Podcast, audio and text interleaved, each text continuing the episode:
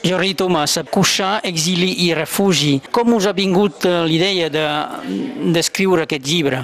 Bé, la idea no és meva, sinó que és una... un dia rebo una trucada telefònica del Jordi Vilabadal, que va ser un dels primers monjos de Cuixà, que em va dir que pel 50 anari de la refundació de Cuixà els agradaria que algú, algú que es dediqués a la recerca, que escrigués, com era el meu cas, pogués fer un llibre. I com que jo era un, soc un, un dels fills dels exmonjos de Cuixà, dels primers vuit de Cuixà, i els conec a tots, doncs quan m'ho va dir, bueno, vaig tenir aquells moments de ara què faig, és un repte molt gran, no és la meva zona, no és la meva època, perquè jo soc antropòleg, però jo del Conflent no coneixia quasi res, i al final doncs vaig acceptar, afortunadament. Amb molts uh, mesos, hores de feina? Una feinada de por, una feinada, bueno, no ho sabeu prou, Són, han estat sis anys, evidentment sis anys fent altres feines, vull dir que no era, per descomptat no era la, la feina principal, però sis anys de recerques, 120 persones entrevistades, 14 arxius visitats, més els arxius personals que em van arribar o que vaig poder consultar, i per tant bé, ha estat una feina de por, per cert, que m'agrada molt de fer. És a dir, un cop veus el resultat, dius, ha valgut, ha valgut la pena.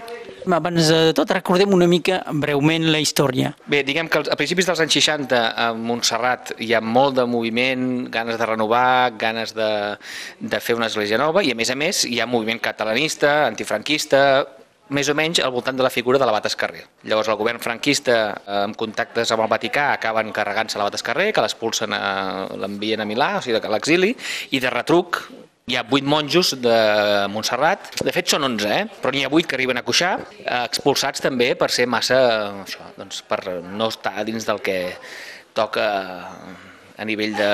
és igual, ens expulsen. I entre aquests, eh, bé, aquests vuit arriben aquí a, Cuixà el 29 de novembre de 1965 i es troben en un monestir que havia estat habitat per la comunitat cistercenca, que estava del tot abandonat, eh, mig enrunat, i han de començar doncs, a, a reconstruir-lo. És per això que parlem de refundació. Parlem de refundació mm, per això i perquè també els benedictins temps enrere havien estat a Cuixà, l'abat Oliva. Quan heu eh, recollit aquests testimoniatges, eh, hi ha hagut algun, algunes sorpreses? Sorpreses? Bé, n'he tingut moltes. Eh, clar, quan contractes amb tanta gent eh, i parles d'uns fets passats que a molta gent li provoquen unes emocions determinades, et trobes de tot. Gent que de seguida diu que vol participar, gent que diu no, no vull parlar d'aquella època, alguns, molt pocs, eh? Eh, gent que té una mirada crítica, que també és benvinguda al llibre, i això quan de sorpreses, diguem, de participació. Si et refereixes a sorpreses de continguts, moltes. Mm. Semblaria, segons el que s'ha sentit a la presentació a Cuixà, que encara falta molta gent a, a interrogar, a entrevistar.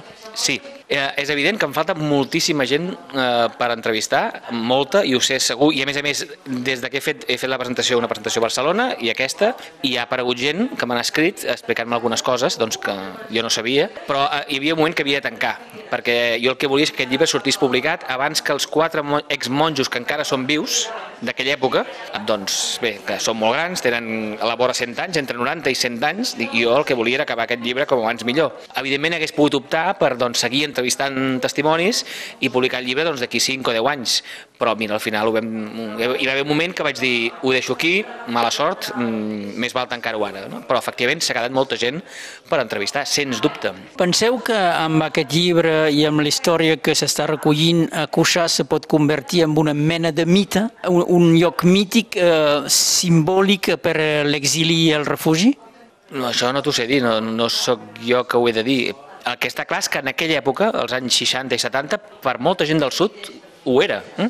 Era un lloc mític, un lloc, un far, una llum, un lloc de calma, un lloc de repòs, un lloc de refugi, una escola de democràcia, una, un espai de llibertat que ara es pugui convertir a través del llibre en una espècie de mite, no ho sé. A mi el que potser em preocupa més és, és com evolucionarà Cuixà. I l'exili eh, sempre d'actualitat?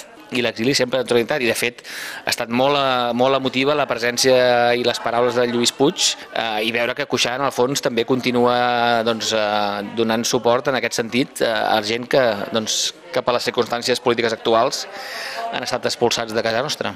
Jordi Tomàs, eh, autor del llibre Cuixà, exili i refugi, moltes gràcies. Moltes gràcies a vosaltres i moltes gràcies a tota la gent del Conflent, del Vallespí, del Rosselló, que m'han acollit, que m'han acompanyat, que m'han enviat materials, que m'han regalat llibres, que m'han convidat a dinar i que m'han donat és un suport sense el qual, sens dubte, aquest llibre eh, no hagués arribat a bon port. Moltes gràcies. A tu.